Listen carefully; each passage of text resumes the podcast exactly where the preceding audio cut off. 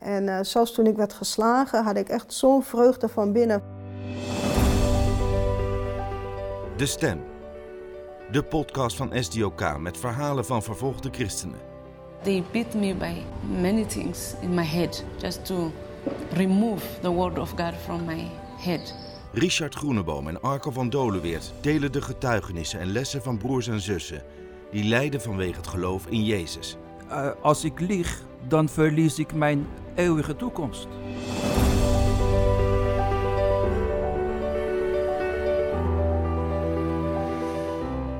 Leuk dat je luistert. Van harte welkom bij deze nieuwe aflevering van podcast De Stem. Een jaar geleden gebeurde er iets waarvan iedereen dacht dat het niet zou gebeuren. En toch gebeurde het. Rusland viel Oekraïne binnen. Een oorlog die nog steeds doorgaat. En het verloop ervan kunnen we dagelijks via het nieuws volgen. Het afgelopen jaar hoorden we regelmatig verhalen van kerken die door Russische troepen zijn vernield. Hoe gaat het eigenlijk met de christenen in Oekraïne? Is er sprake van systematische vervolging sinds de Russische troepen een deel van het land in bezit heeft genomen? Ja, daarover praat jij, Richard, eh, met collega Emma de Vries.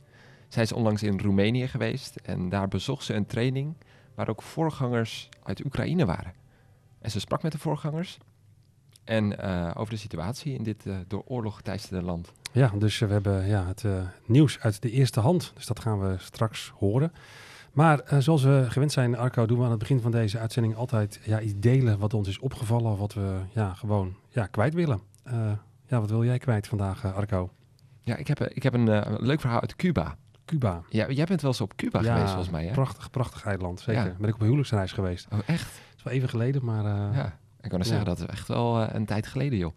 hey, maar het staat natuurlijk bekend voor vanwege de, de stranden, de, de hele oude auto's die daar ook uh, ja, rijden. Nou, die heb je ongetwijfeld gezien. Zeker, ja. En, maar de situatie van de kerk is ook best moeilijk. Het is heel lastig om daar bijvoorbeeld bijbelmateriaal binnen te krijgen. Um, voorgangers worden dwars gezeten. Regelmatig komt er iemand in de gevangenis kerken worden vernield. Um, hoor je waar weinig eigenlijk over? Daar hoor je niet zoveel over. Dat klopt, ja. ja. En, um, en verder mogen mensen wel gewoon geloven. Het is niet zo dat, dat de, de gemiddelde christen heel veel, uh, zeg maar, wordt dwarsgeboomd. Vooral ook de, de, de, nou, de kerken, de, de gemeenschappen. En pas als er dus iemand op bezoek op Cuba, het is zo'n VN, VN-gezant, weet je, echt iemand die met, ja, met veel connecties, weet je wel. Nou, official. Ja. ja. exact. En die, die sprak met uh, verschillende voorgangers. En op een gegeven moment vroeg hij ook aan, aan een van zijn voorgangers: Joh, ik uh, spreek binnenkort de, de, president van de Verenigde Staten. Ik heb een lijntje met de paus. Uh, ik spreek ook nog de president van Cuba zelf. Uh, wat kunnen zij voor jou doen? Wat kan ik vragen? Hij was echt wel geraakt door de situatie en hij wilde iets betekenen. Hij bleef even stil en toen schudde de voorganger uit Cuba zijn hoofd. Die zei: Ja, ik zou eigenlijk niks weten. We hebben niks nodig van deze hoge, hoge meneren. Nee, het enige wat wij willen is dat mensen bidden dat we stand houden. Ja. En dat trof me wel. En ik dacht, dit is eigenlijk een heel mooi voorbeeld. Iets wat we heel veel zien hè, in, eh, in, uh, in de vervolgde kerk, bij vervolgde christenen. Dat ze eigenlijk helemaal niet zo bezig zijn met oplossingen, met dat dingen beter gaan.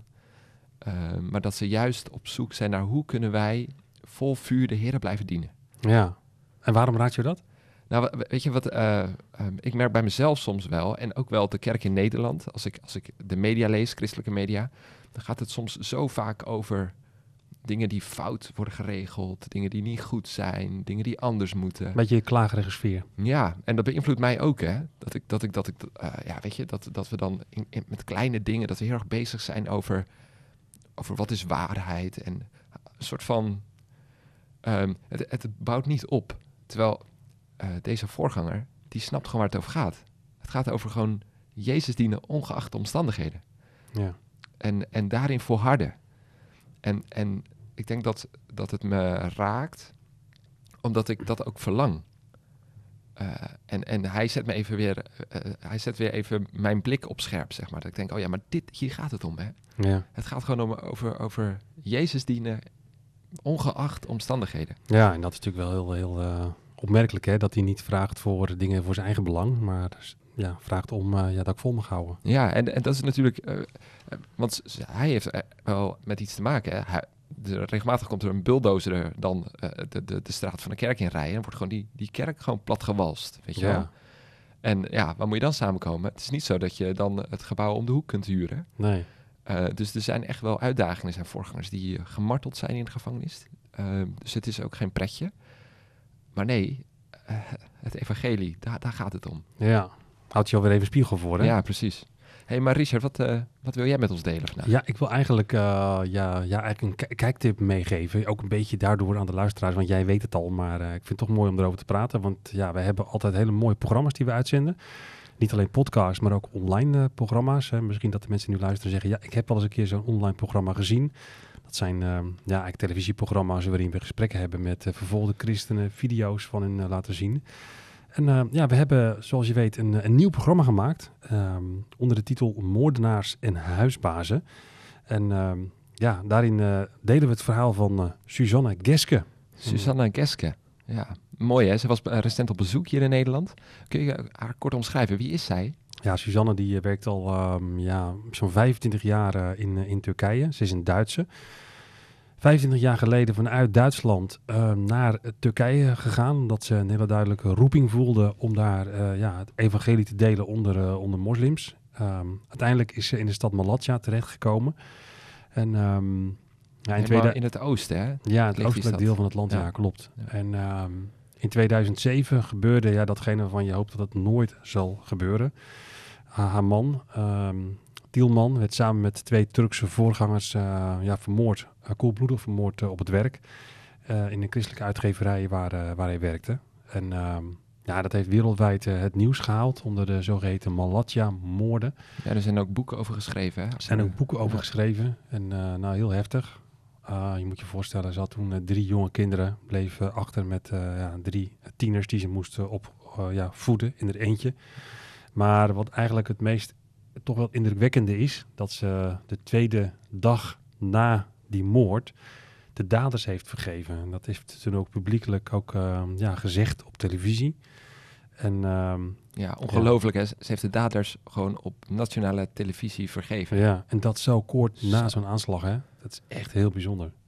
Ja, en dat was ook echt. ze, zij vertelde ook. Nou goed, dat, in, dat, in het programma komt dat natuurlijk heel erg eh, goed uit de verf.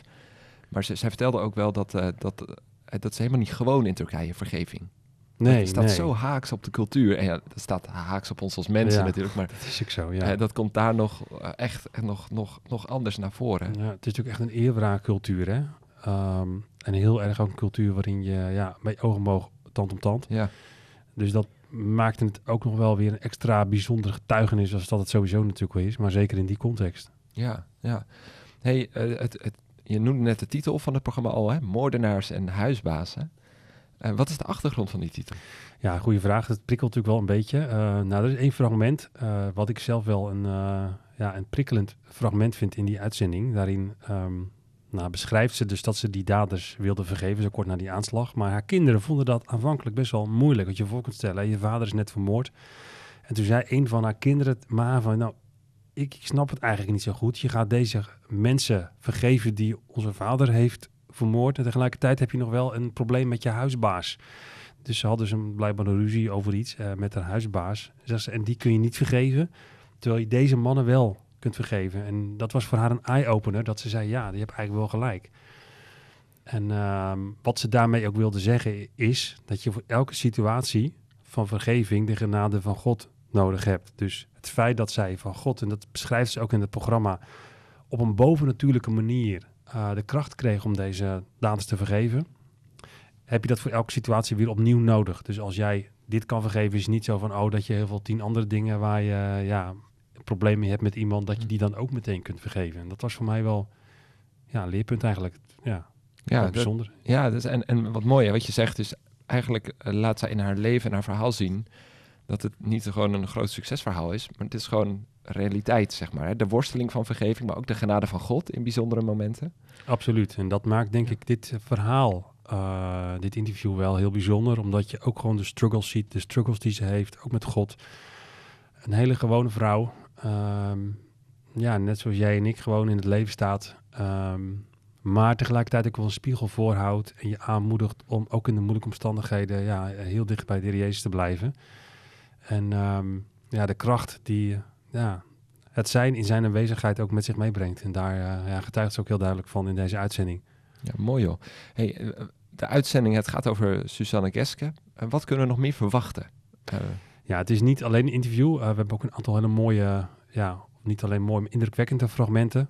Onder andere een stukje ook van, van de begrafenis van haar man Tielman.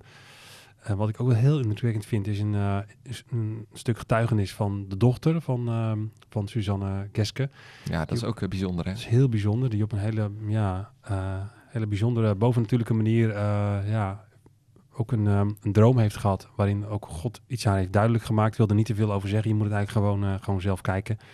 Maar uh, ja, dat is heel mooi om dat te zien. Dat is zo'n bevestiging dat, ja, dat je als, als gelovige met heel veel moeilijke omstandigheden te maken kunt krijgen. Dat is ons uh, ook eigenlijk al voorzegd in de Bijbel. Hè? Als, als gelovige zul je met verdrukking te maken krijgen. Maar in te midden van dat lijden ja, wil God ook zijn, zijn liefde en heerlijkheid ja, ook laten zien. Ja, dat is, dat is mooi. Hè? En dat en, raakte mij wel. Ja, en over dat, dat fragment hè, van die dochter. Ik, ja, ik ben niet heel snel emotioneel.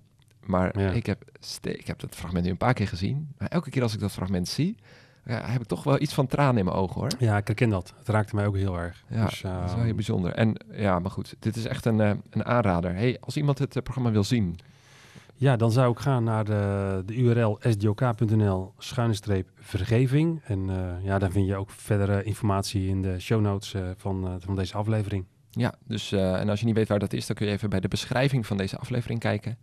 Daar staat ook de link waar je dit programma dus kunt bekijken. Nou Richard, dan zijn we toegekomen aan de rubriek Het Gesprek. En we hebben iets nieuws gemaakt, een mooie, mooie tune, een mooi muziekje. Hè, met een stem en aankondiging, zodat de luisteraar ook heel duidelijk weet waar we in het gesprek ergens zitten. Ja, dan weten we wel aan toe zijn, hè? Dat is exact, daar, daar houden we van. ja. Dus daar komt de tune. Podcast De Stem. Het gesprek. Nou Richard, jij sprak met collega Emma de Vries. Zij was uh, onlangs in Roemenië waar ze een training bezocht met Oekraïense voorgangers. Nou, Oekraïne, het is een land wat uh, nou, voortdurend in het nieuws is. Uh, we weten heel veel over de situatie in het land, maar we weten eigenlijk heel weinig over de situatie van christenen. Nee, klopt. En dat maakte me best wel nieuwsgierig, want afgelopen jaar las ik toch best wel met een zekere regelmaat, ja, las ik verhalen over kerken die in brand waren gestoken, ook voorgangers die werden aangevallen. Het lastige is dat het wel, zeker op afstand, om dan te kunnen zeggen van ja, dat is christenvervolging of is dat gewoon, ja, ja vanwege het feit dat er oorlog is in het land. Dus ik vond het heel mooi dat uh, onze collega Emma uh, naar Roemenië ging voor een training. Dat trouwens een training waar straks iets meer over vertelt. voor specifiek Oekraïense voorgangers. Um, om de verhalen uit eerste hand te horen. Nou, daar ga ik met haar ook over in gesprek. Um, ja, hoe is het dan met name ook in is de situatie voor christenen in de door Rusland bezette regio's Luhansk en Donetsk? Um, nou, daarover heb ik met haar gesproken. Maar allereerst vertelt ze iets over de training die ze dus bezocht voor Oekraïense voorgangers? Nou, het was een training uh, die erop gericht is om um, christenen um, eigenlijk toe te rusten en uh, uh, uitleg te geven over vanuit de Bijbel hoe ze trouw getuigen kunnen zijn in moeilijke omstandigheden. Dus hoe ze op de plek waar ze zijn, nou in dit geval was dat um, dus onder Russisch, vanuit Russisch bezette gebieden. christenen, hoe die dus op die plek waar, waar ze door God ge, geplaatst zijn, uh, trouw door kunnen gaan met het evangelisatiewerk wat ze doen, met het dienen van hun gemeente. Ja, en die training was georganiseerd specifiek omdat uh, ja, Oekraïne nu voor een deel bezet wordt door, door, uh, door Rusland. Dat idee was van ja, welke kant gaat het op? krijgen we daar geloofsvervolging of is dat er misschien wellicht al? Nou, daar gaan we straks nog even over hebben natuurlijk. Ja, klopt. Nou, dit is een training die ook in andere landen gegeven wordt. Hè? Bijvoorbeeld aan Eritrese christenen of aan Chinese christenen um, Koreaanse christenen. Dus dit wordt in op meerdere plekken gegeven. Um, omdat we het uh, belangrijk vinden om uh, vanuit de Bijbel de lijnen over vervolging, wat er in de Bijbel staat, om dat ja, mensen mee te geven als bemoediging. En ook weer in hun eigen gemeente door te vertellen hoe we stand kunnen houden tijdens vervolging. Um, en ook wat, wat, wat bijvoorbeeld het begrip martelaar, eh, wat dat betekent. Hè? Dat, dat dat getuige betekent, dat je trouw getuige bent van, van Christus op de plek waar je bent. Um, nou, en dit was inderdaad, deze training hier was speciaal opgericht, omdat er nu gebieden zijn, dat natuurlijk al sinds 2014, gebieden zijn die door Rusland bezet zijn, onder Russische controle zijn. En nou, voorgangers uit, uh, uit Rusland zelf en ook uit deze door Rusland bezette gebieden nou, ook toegerust en getraind worden. Ja, want waar kwamen ze precies vandaan? Je zegt inderdaad zowel Rusland als de Oekraïne. Ja, dus deze training was, was gericht op Russisch sprekende christenen. Dus dat is, zijn natuurlijk, dat is heel breed, want die zijn uh, op, in Rusland zelf, maar ook in, in het Oekraïense, door Rusland bezette deel zeg maar, van, van de Oekraïne. Uiteindelijk was het ook heel lastig voor een aantal mensen die wel van plan waren om te komen om aanwezig te zijn. Dus in totaal waren, was nu maar een klein aantal aanwezigen. En die zijn, waren allemaal uit ehm, door Rusland bezette gebieden in de Oekraïne. En, en wat hoorde je van hen? Want het is natuurlijk, ja, we lezen het elke dag in het nieuws, we zien het op het journaal. De situatie in Oekraïne is heel pittig. Klopt. Wat hoorde je van hen? Klopt. Ja, diverse verhalen. Het was heel, heel fijn om gewoon ook echt eens even van mensen zelf te horen hoe zij het uh, ervaren. Wat je heel veel van hen hoorde is natuurlijk dat voor, uh, nou, voor hen, uh, voor een groot aantal van hen gold eigenlijk al dat sinds 2014 de situatie natuurlijk al heel erg anders is, omdat ze onder Russische bezetting leven. Ja, de Krim die toen werd bezet. De, de Krim, maar ook de Donbass, zeg maar, ja. gebied. dat is iets wat wij ons hier misschien wat minder realiseren, maar ja, zij hebben daar nu al, zij hebben daar al wat langer mee te maken. Um, uh, en, en nu, uh, nu de oorlog is, uh, is, is begonnen, is natuurlijk hun leven helemaal op zijn kop gezet. Um, de kerken zijn voor de helft leeggelopen, omdat heel veel mensen gevlucht zijn. met name natuurlijk de mannen die anders in het leger zouden, zouden moeten, maar die hebben ook soms hun gezinnen meegenomen.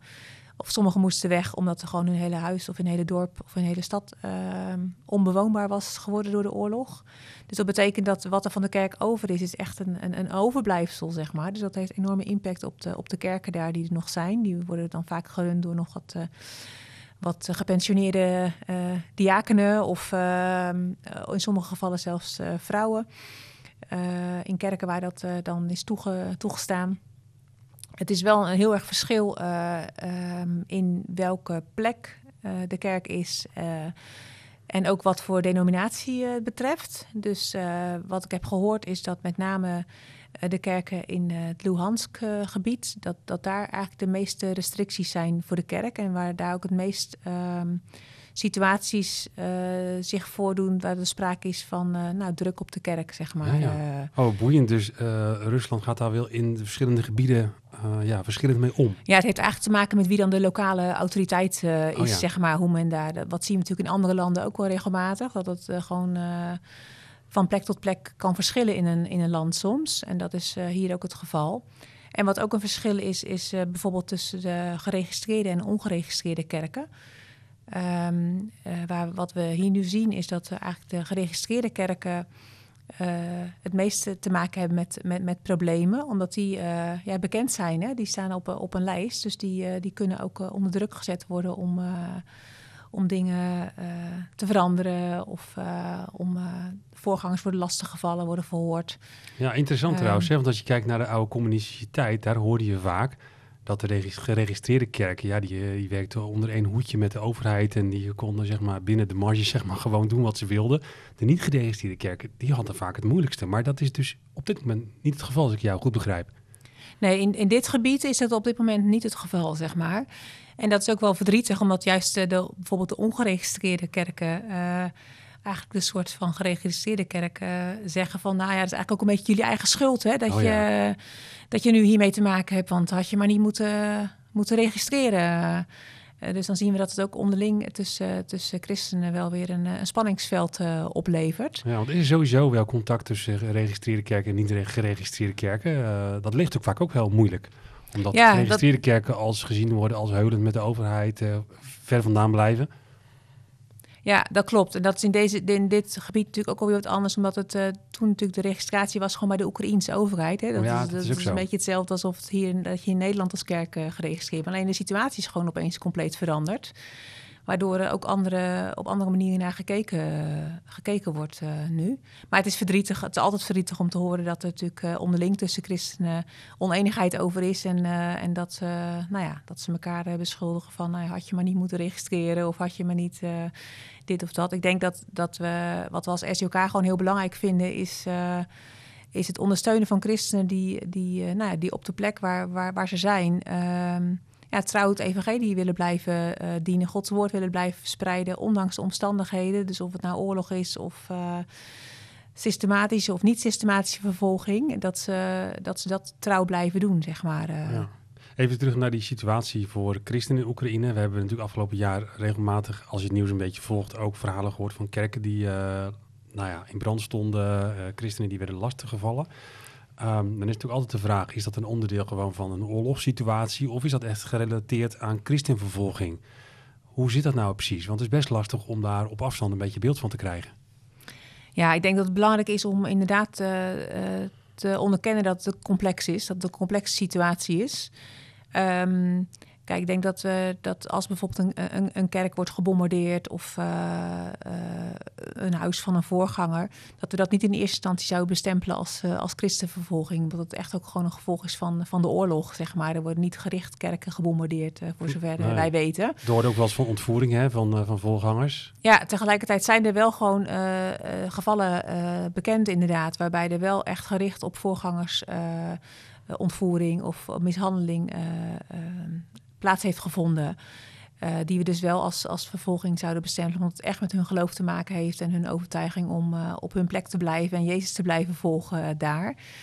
Um, wat we nu eigenlijk zien als we naar de situatie kijken van het afgelopen jaar, dat, dat het. Nou, dat we wat ons betreft nog niet kunnen spreken echt van systematische vervolging. Dat het echt per plek en per denominatie verschilt. Dus dat je echt goed naar de individuele cases moet kijken om te zeggen van hey, is dit nou echt eh, vanwege het geloof? Of heeft het puur met, uh, met de oorlogssituatie te maken? Waarbij bijvoorbeeld inderdaad voorgangers uh, ook opgeroepen kunnen worden voor, voor militaire dienst. En nou ja, dan is dus wel de vraag van, hey, gaat iemand... Doet iemand dat niet vanuit religieuze overtuiging, hè? omdat hij dus doorgaat met zijn werk als, als voorganger en zijn gemeente wil dienen? Um, of wil iemand niet vechten, zeg maar, in de oorlog vanwege situatie tussen Rusland en Oekraïne. Ja. Hoe is de sfeer onder de christenen die jij gesproken hebt uh, tijdens die uh, training? Uh, toch misschien onzeker van waar gaat het naartoe? Of um, ja, hoe, wat, wat, wat, wat ving jij op? Ja, nou wat, wat ik een beetje nou, een aantal dingen. Het eerste was denk ik een beetje eigenlijk wat, wat we algemeen ook een beetje in het nieuws zien, is uh, van toch wel, uh, we gaan door als Oekraïne, zeg maar, uh, om, om dit te, te winnen.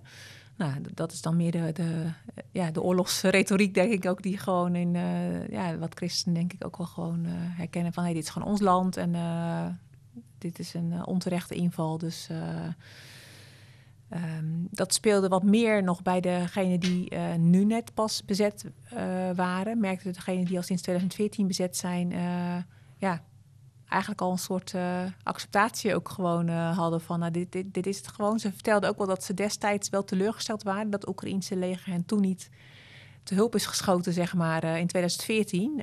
Um, of de, de Oekraïnse geleden of de wereldgemeenschap. maar dat dat nu eigenlijk al zo lang geleden is dat dat, nou ja, dat dat nu de situatie is. Um, wat ik ook merkte is dat ze um, ook eigenlijk zoiets hadden van hey,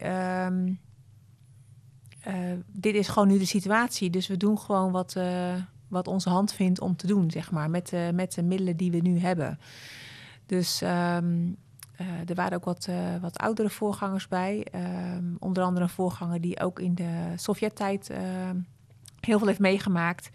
En die zei ook van, nou ja, als, als God je roept, kun je gewoon geen nee zeggen en uh, ga je gewoon door met waar hij je voor geroepen uh, heeft. Onafhankelijk van de omstandigheden. Ook al is mijn huis nu gebombardeerd, hij woonde zelf nu op een andere plek, omdat uh, van zijn huis helemaal niks, niks meer over is.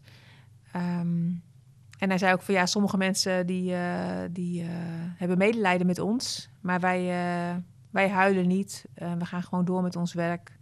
En, want God uh, laat soms dingen toe in ons leven, uh, maar we weten dat Hij altijd een bedoeling ermee heeft. Ja. Nou, dat vond ik gewoon heel bijzonder om, uh, om te horen. Van zo iemand die, nou, hij was 82. Dus hij heeft echt Sovjet-tijd meegemaakt. Hij heeft in die tijd ook gewoon vaak ondervraagd door de, door de KGB. allerlei dingen meegemaakt, gearresteerd geweest. Hij vertelde ook verhalen van, nou, van die plaatjes die je misschien kent uit de Sovjet-tijd. Dat mensen in, de, in het bos, zeg maar, een dienst, uh, jeugddiensten ja. hadden en zo. Ja, ik denk, zo iemand heeft dat al, die heeft dat al natuurlijk uh, zoveel dingen meegemaakt, zeg maar. En die, die ziet ook gewoon dat in het, in het grote verhaal van Gods plan, zeg maar. Met zijn leven, maar ook met, met ieders leven, zeg maar. En dan is het belangrijkste dat mensen Jezus leren kennen, ondanks de omstandigheden. Ja, want we horen natuurlijk ook via onze Zuid-Koreaanse collega's die ook in Rusland actief zijn, dat de situatie in Rusland ook uh, voor christenen aan het verslechteren is, hè, dat er meer incidenten komen. Ik kan me voorstellen als je ja, met Oekraïnse voorgangers spreekt, die ook ja, die situatie van de Koude Oorlog hebben meegemaakt, dat het ook een stukje angst geeft, reflex van nee toch, we gaan toch weer niet terug naar die tijd. Hm. Ja, dat is zeker ook wel wat er door hun, uh, hun hoofd speelt hoor. En wat ze ook wel uh, soms ook zeiden inderdaad. Van, dat ze dat zeker in die eerste dagen van de oorlog ook, ook hadden. Van nee, dit, dit kan niet waar zijn. Hè, de situatie waar we uitgekomen zijn, dat we daar nu weer in terecht zouden gaan komen.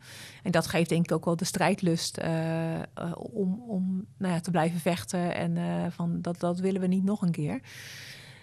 Tegelijkertijd is dus het een beetje beide dingen. Dus tegelijkertijd ook een stukje van... hé, hey, maar als het, als het Gods wil is... dan, dan gaan we ook in die omstandigheden...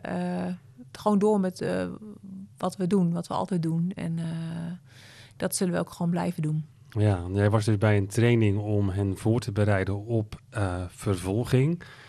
Wat zijn nou de dingen waar ze misschien nu juist op dit moment het meest mee struggelen?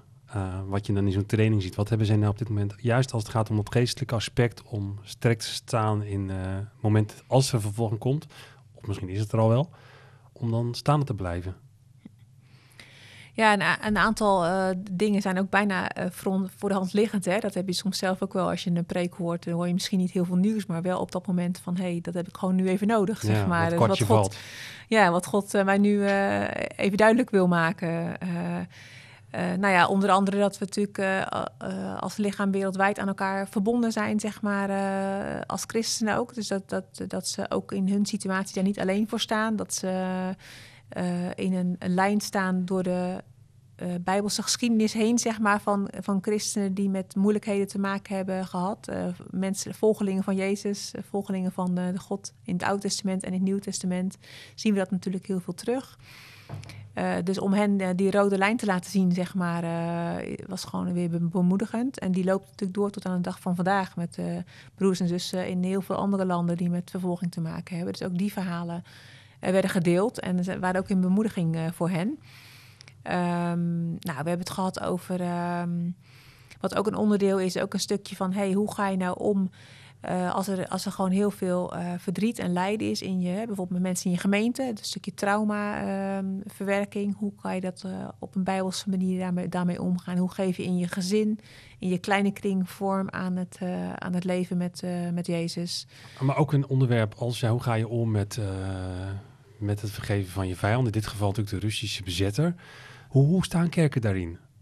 Ja, dat is wel heel wisselend, zeg maar. En daar is ook wel discussie onderling over hoor, tussen christenen. Dus, uh, dus ik denk dat daar niet één, één antwoord op, op te geven is. Uh, uh, er zijn er inderdaad die gewoon zeggen, nou ja, een soort berustend van, nou, dit is gewoon nu de situatie en we doen gewoon wat onze hand vindt om te doen. En, maar er zijn ook anderen die het gewoon ja, wat, wat lastiger vinden, zeg maar. En ook gewoon wat moeilijker vinden om, uh, om echt voor de, voor de rusten te bidden. En wat we ons ook heel goed kunnen voorstellen natuurlijk. Ja, maar ook om, om mee te vechten. Ja, en ook om mee te vechten. Ja, klopt. Ja. Dus dat is, dat is echt heel lastig. Dat is met je, ja, daar zijn mensen gewoon verschillend in. Wat is nou het belangrijkste gebedspunt voor de situatie voor christenen in Oekraïne?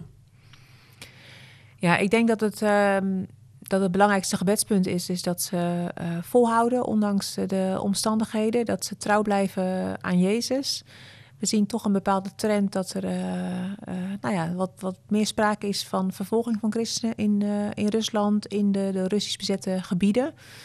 Um, een beetje vergelijkbaar met zoals het in China in 2018 was. Toen was het ook heel verschillend per regio. Dat is nu in Rusland ook zo. Maar um, nou, er zijn toch wel uh, wat aanwijzing dat dat misschien een voedingsbodem is om de komende jaren wat meer vervolging uh, cases te gaan hebben. Dus uh, nee, dat gebedspunt is echt nou, voor, voor moed en, en trouw voor de christenen daar. Dat ze trouw getuigen blijven op de plek waar God hen heeft gesteld. En zich ook verbonden weten met, met christenen wereldwijd. Nou, tot zover Richard, jouw gesprek met Emma de Vries over de situatie in Oekraïne. Hey, ik ben even benieuwd, wat, wat viel jou nou het meeste op Nou, toch wel de complexiteit van de situatie. Hè? Eh, het is niet zo simpel dat je kunt zeggen, ja, er is uh, hevige vervolging in, uh, in Oekraïne. En tegelijkertijd ehm, ja, is er wel vervolging. Er zijn ook situaties waarin ja, christenen echt met tegenwerking te maken hebben vanwege hun geloof. En tegelijkertijd is er ook gewoon ja, heel veel ellende wat met de oorlog te maken heeft. Um, en dat is voor ons altijd toch wel, een, denk ik, een, iets waar we scherp, moet, scherp op moeten zijn. Ook als organisatie, en dat doen we, geloof ik ook dat je ja, zorgvuldig moet zijn in wat is, wat is christenvervolging en, en wat is het niet. Dus noem niet alles christenvervolging, maar benoem het wel als daar inderdaad echt ook wel echt sprake van is. Ja, die complexiteit die je benoemt, hè, ja, dat, is, uh, dat zien we in Oekraïne, maar dat zien we echt niet alleen in Oekraïne. Nee, dat klopt. Dat zie je ook in andere landen. Ik ben uh, best wel vaak in Nigeria geweest. Een land waar ja, christenen ook slachtoffer zijn van uh, organisaties als Boko Haram, Fulani-herders en nou ja, allerlei um, extremistische groepen. Uh, daar zie je dat er ook echt zeker ook wel etnische conflicten meespelen in dat hele gebeuren. Uh, afgelopen jaren zijn natuurlijk ook heel veel christenen, duizenden christenen vermoord uh, in, in Nigeria. En tegelijkertijd, daar zie je dus nu wel, als je naar de mainstream media kijkt, dat heel vaak het conflict in Nigeria wordt geduid als iets, iets etnisch. Iets van, nou ja, dat zijn christenen die een conflict hebben met, met boeren, islamitische boeren en noem maar op. En dat vind ik ook weer te simpel. Ik ben daar zelf vaak geweest en ik heb daar ook verhalen gehoord van, uh, van christenen die echt vertelden ook uh, ja, dat ze dan uh, mensen werden neergeschoten en dat ze dan ook zeiden van die herders, waarvan het heel vaak wordt gezegd, ja dat is etnisch. Van nou ja, bid maar tot Jezus of die laat opstaan zoals het met hem ook is gebeurd. Dat is zo duidelijk echt gewoon ja, gericht ook tegen christenen. En tegelijkertijd kun je niet zeggen dat er ook ja, dingen niet een rol spelen. Dus dat maakt het soms best wel heel erg ingewikkeld. Ja, dat is zoeken soms, hè? Dat zoeken, ja. En, en dat zien we ook uh, bij projecten die we doen in, in allerlei landen. Dat het, um, hè, je hebt natuurlijk de vraag, is het vervolging of niet? En uh, dat vond ik ook wel mooi dat Emma dat ook even zei. Ja, weet je, onze missie, wat wij heel graag willen, is, is christenen toerusten om te blijven, om het woord van God te delen, om getuige te zijn in het midden van die chaos, uh, de complexiteit. Precies. Cuba, Oekraïne, Nigeria, dat is echt onze, onze missie. Ik vond het wel, wel mooi. Ik werd wel weer enthousiast over wat we doen, zeg maar. Ja, dat is mooi, hè? Ja, elke podcast sluiten we af met een uh, kort reflectiemoment. Uh, om jou als luisteraar te helpen. We reiken je iets aan om over na te denken. Iets wat je misschien wel kan helpen in het volgen van Jezus. Ja, je hoorde vandaag over Cuba, Oekraïne, over gebrokenheid, verdriet, complexiteit. Misschien herken je dit wel in je eigen leven, dat de dingen gebroken zijn. Ja, dat het complex is. Uh, verdriet. Ja, misschien zijn er wel dingen waar je je zorgen over maakt. Ik wil vandaag een uh, lied met je delen. En uh, dit lied heeft mij erg geholpen in momenten van onrust, verdriet, complexiteit. Het was echt een, een voor mij een lichtpunt in de duisternis. Een soort van anker waar ik echt aan vast kon, uh, kon houden. Het is een heel mooi lied. Het is het lied Dichter bij U. Het wordt gezongen door Joke Buis en we hebben toestemming om dit lied aan jou te laten horen. Dus ik moedig je aan, ja, zoek een uh, mooie plek, ontspan, luister naar de tekst. Uh, zing het misschien mee als je het kent. Dichter bij U van Joke Buis.